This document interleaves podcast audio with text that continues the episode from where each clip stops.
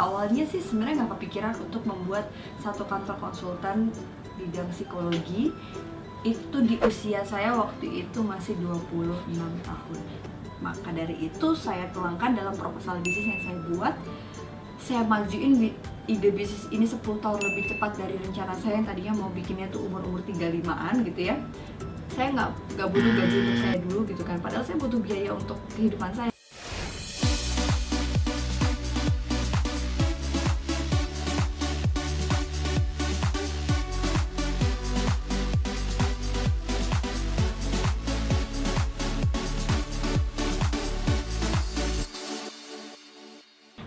Assalamualaikum, ketemu lagi barengan saya Analisa di YouTube channel saya Analisa Channel, makasih banget ya buat kamu udah subscribe Udah banyak kasih komen, kasih like. Aduh pelan-pelan saya balesin satu-satu ya. Thank you banget. Dan gak kerasa nih kita sudah di episode kesekian di Menganalisa Gimana? Suka nggak? Semoga bisa bermanfaat ya buat kalian yang udah nonton video-video saya.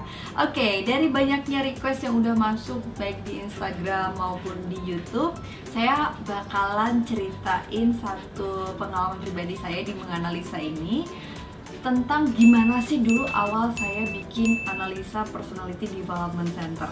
Dan ini pertanyaan yang paling sering saya dengerin dari para follower saya maupun orang yang udah uh, ngikutin saya atau mungkin baru dikenal atau udah lama kenal saya kenapa sih nak kamu bikin APDC atau analisa personality development center? Jadi sebenarnya ini merupakan bisnis yang gimana ya awalnya sih sebenarnya nggak kepikiran untuk membuat satu kantor konsultan bidang psikologi. Itu di usia saya waktu itu masih 26 tahun. Nah jadi ini kayak udah tiga setengah tahun yang lalu seorang analisa yang baru lulus dari master psikologi klinis. Waktu itu saya habis ngelahirin anak saya pertama si Rafa itu umurnya masih 6 bulan. Terus tadinya saya pikir tuh saya bakalan 10 tahun dulu kerja di sebuah perusahaan yang settle, yang munafit untuk belajar banyak pengalaman dan ilmu-ilmu dari perusahaan itu. Atau saya mau nunggu ntar dulu deh, nunggu senior. Tapi akhirnya ada satu kejadian yang bikin saya um, pengen bikin itu lebih cepat. Nah intinya nih kalau pada nanya kenapa bikin APDC karena saya suka banget sama ilmu psikologi yang saya pelajari. Terus saya juga um, suka banget bisnis karena sebenarnya to be honest ini bukan bisnis pertama saya. Dulu saya pernah bikin bisnis yang jatuh bangun juga pernah gagal pernah rugi pernah untung juga di bidang yang lain gitu ya. Jadi gini teman-teman. APDC atau pusat pengembangan kepribadian. Dulu waktu saya kuliah saya tuh suka banget sama mata kuliah namanya psikologi kepribadian.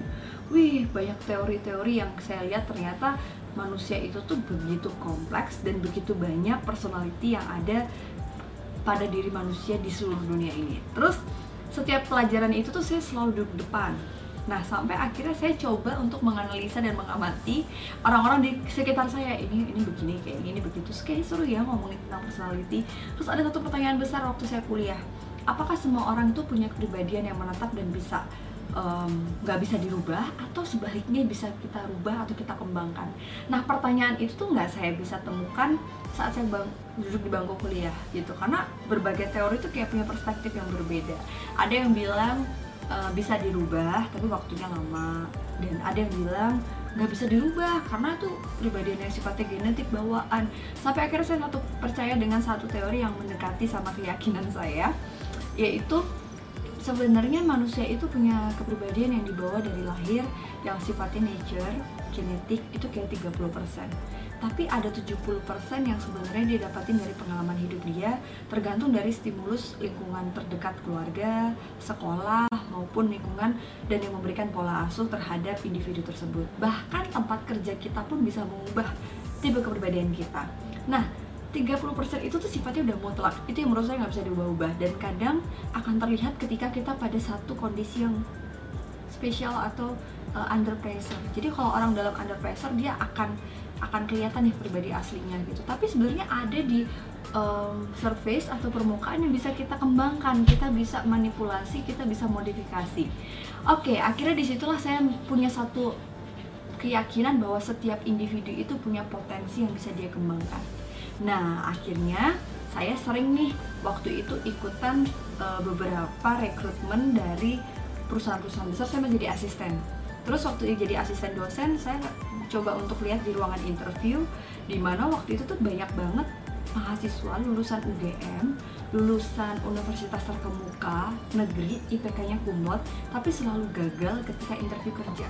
Terus saya lihat, ternyata satu nih, dia IPK-nya bagus tapi dia nggak bisa menjual diri dia secara positif di ruangan interview. Terus saya berpikir, iya ya nggak ada kuliah dan sekolah yang ngajarin tentang gimana sih uh, lu bikin CV yang bagus, gimana sih caranya kamu bisa ngenalin diri kamu waktu wawancara yang menjual supaya kelihatan percaya diri. Nah di situ akhirnya saya coba browsing di Indonesia tuh ada nggak sih sekolah kepribadian? Ada satu yang saya temuin nih di Jakarta, Bali, Surabaya belum ada di Jogja. Saya ikutin di salah satunya di Jakarta. Saya ikutin kursus itu selama tiga bulan lebih. Saya ambil semua paketnya, terus saya coba pelajarin. Well sebenarnya semua orang tuh bisa kok dikembangin, tapi ada aspek psikologis yang nggak disentuh sama si sekolah kepribadian ini.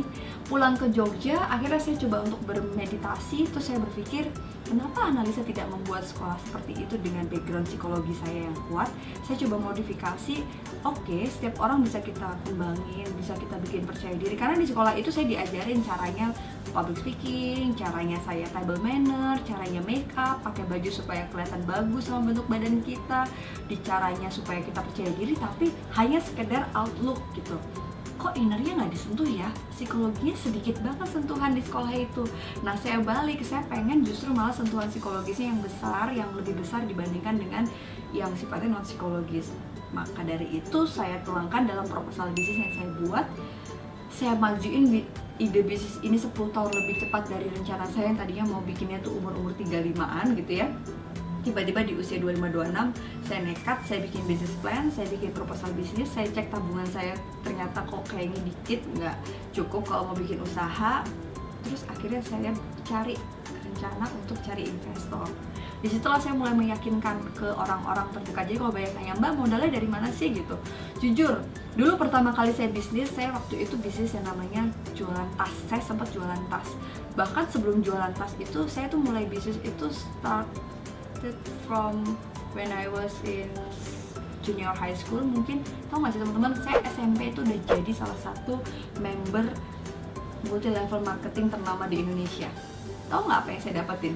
Saya naik di level senior manager saya dapat pin. Gara-gara saya tiap hari saya jualan pakai apa namanya eh, katalog gitu. Saya jualan produk-produk make up yang waktu itu saya jual saya dapat keuntungan dan saya ngerasain mandiri secara finansial dari SMP ternyata nggak cuma duit doang yang saya dapetin justru malah hal lain yang sifatnya lebih priceless. Saya tahu gimana susahnya cari duit saya tahu gimana caranya rasanya ditolak kalau kita jualan.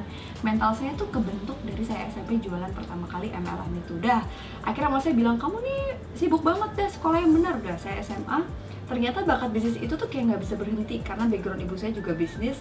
Akhirnya saya bisnisnya itu tau nggak apa saya jualan pin sama kaos. Saya kerjasama sama uh, produk produsen gitu untuk jualan di sekolahan saya. Dan saya jual di kelas-kelas. Dan ternyata keuntungannya itu lumayan banget. Saya cuma distributor doang. Akhirnya saya ketagihan nih buat bisnis yang lain. Sampai akhirnya saya kuliah saya bikin butik kecil. Yaitu saya ingat banget saya semester 4 modal saya cuma 500 ribu rupiah. Ini bisnis yang waktu itu saya bukan cuma jadi distributor atau uh, jualan barang orang tapi saya mulai uh, jadi produsen. Modal awalnya 500 ribu saya bikin bisnis namanya ANV Bags. Nah ANV Bags ini saya berdua sama teman saya. Kita bikin produksi tas. Kenapa tas? karena waktu itu saya suka banget ganti-ganti tas. Yang kedua saya pengen bikin tas yang bagus tapi murah. Terus 500 ribu itu modalnya buat apa? Satu saya beli mesin jahit bekas 500 ribu itu. Yang kedua 500 ribu teman saya karena kita patungan kita beli kain-kain yang uh, kulit sintetis di salah satu toko kain di Malioboro. Kita jualan kita bikin desain kita titipin ke butik-butik sama distro. Karena waktu itu model distro itu lagi kayak uh, cukup booming di tahun itu. Terus akhirnya saya berpikir kok laris? Kita jualan lewat Facebook di Facebook ternyata barang saya diterima sama pasar dan ke seluruh penjuru Indonesia. Habis itu ternyata uh, saya jualan baju sama tas, saya bikin butik, saya nyewa ruko pertama itu di daerah Seturan dekat kantor saya sekarang.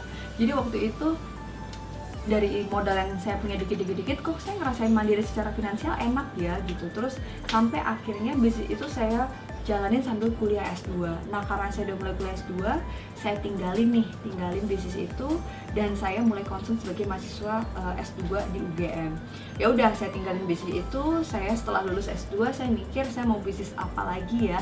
Kalau saya balik ke bisnis yang dulu itu kayak uh, sayang dong kuliah saya. Ya udah saya balik lagi di pengalaman saya ketika saya prihatin melihat banyak lulusan mahasiswa yang bagus IPK-nya tapi nggak bisa ngejual diri tadi saya bikinlah APDC ini. Jadi dengan modal pertama kali saya dulu 500 ribu kali ini bisnisnya lebih serius. Saya bikin bisnis plan dan setelah saya hitung-hitung kalau saya membuat kantor konsultan kayak orang tuh bakalan trust ke kita kalau kantornya bagus. Itu pikiran saya sesimpel itu.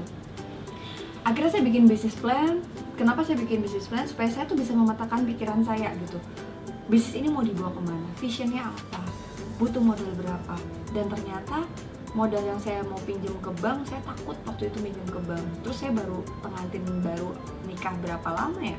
Setahun kalau nggak salah. Terus saya punya anak umurnya enam bulan. Eh sorry saya udah dua tahun menikah terus anak saya umur enam bulan masih banyak biaya. Saya nggak berani ngambil pinjaman ke bank. Akhirnya saya bikin proposal bisnis itu saya ajuin dulu ke saudara-saudara yang kayaknya saya lihat potensial sebagai investor. Tapi semuanya profesional. Kita kayak ada sharing profit kalau saya harus bayar dia tiap bulan gitu kan. Sampai akhirnya udah dapat modal itu terkumpul saya kumpulin sama modal pribadi saya. Saya sebagai seorang pebisnis yang udah kesekian kali sempat rugi sempat untung saya berpikir bisnis ini harus berhasil. Waktu itu pikirannya cuma gitu sesimpel itu. Sampai akhirnya modal yang saya punya itu saya harus berpikir selama setahun uang ini harus cukup untuk bayar sewa ruko. Terus harus bisa cukup bayar satu orang karyawan karena waktu itu saya nggak punya uang untuk bayar banyak karyawan karyawan saya cuma satu. Terus saya nggak nggak butuh gaji untuk saya dulu gitu kan. Padahal saya butuh biaya untuk kehidupan saya gitu. Jadi akhirnya kita prihatin dulu makan tabungan dulu selama setahun. Kadang-kadang di bulan awal-awal itu teman-teman tahu nggak sih? Banyak banget tantangannya. Tantangannya mulai dari ih siapa sih tuh analisa pede banget? Dia masih lulus kuliah baru jadi psikolog berapa bulan. Karena waktu itu saya bikin APDC itu saya juga baru daftar sebagai psikolog di salah satu rumah sakit dan saya baru keterima. Dan pasien saya masih zero gitu jadi saya praktek kayak udah standby nggak ada yang dateng. Masih kayak gitu teman-teman. Sampai akhirnya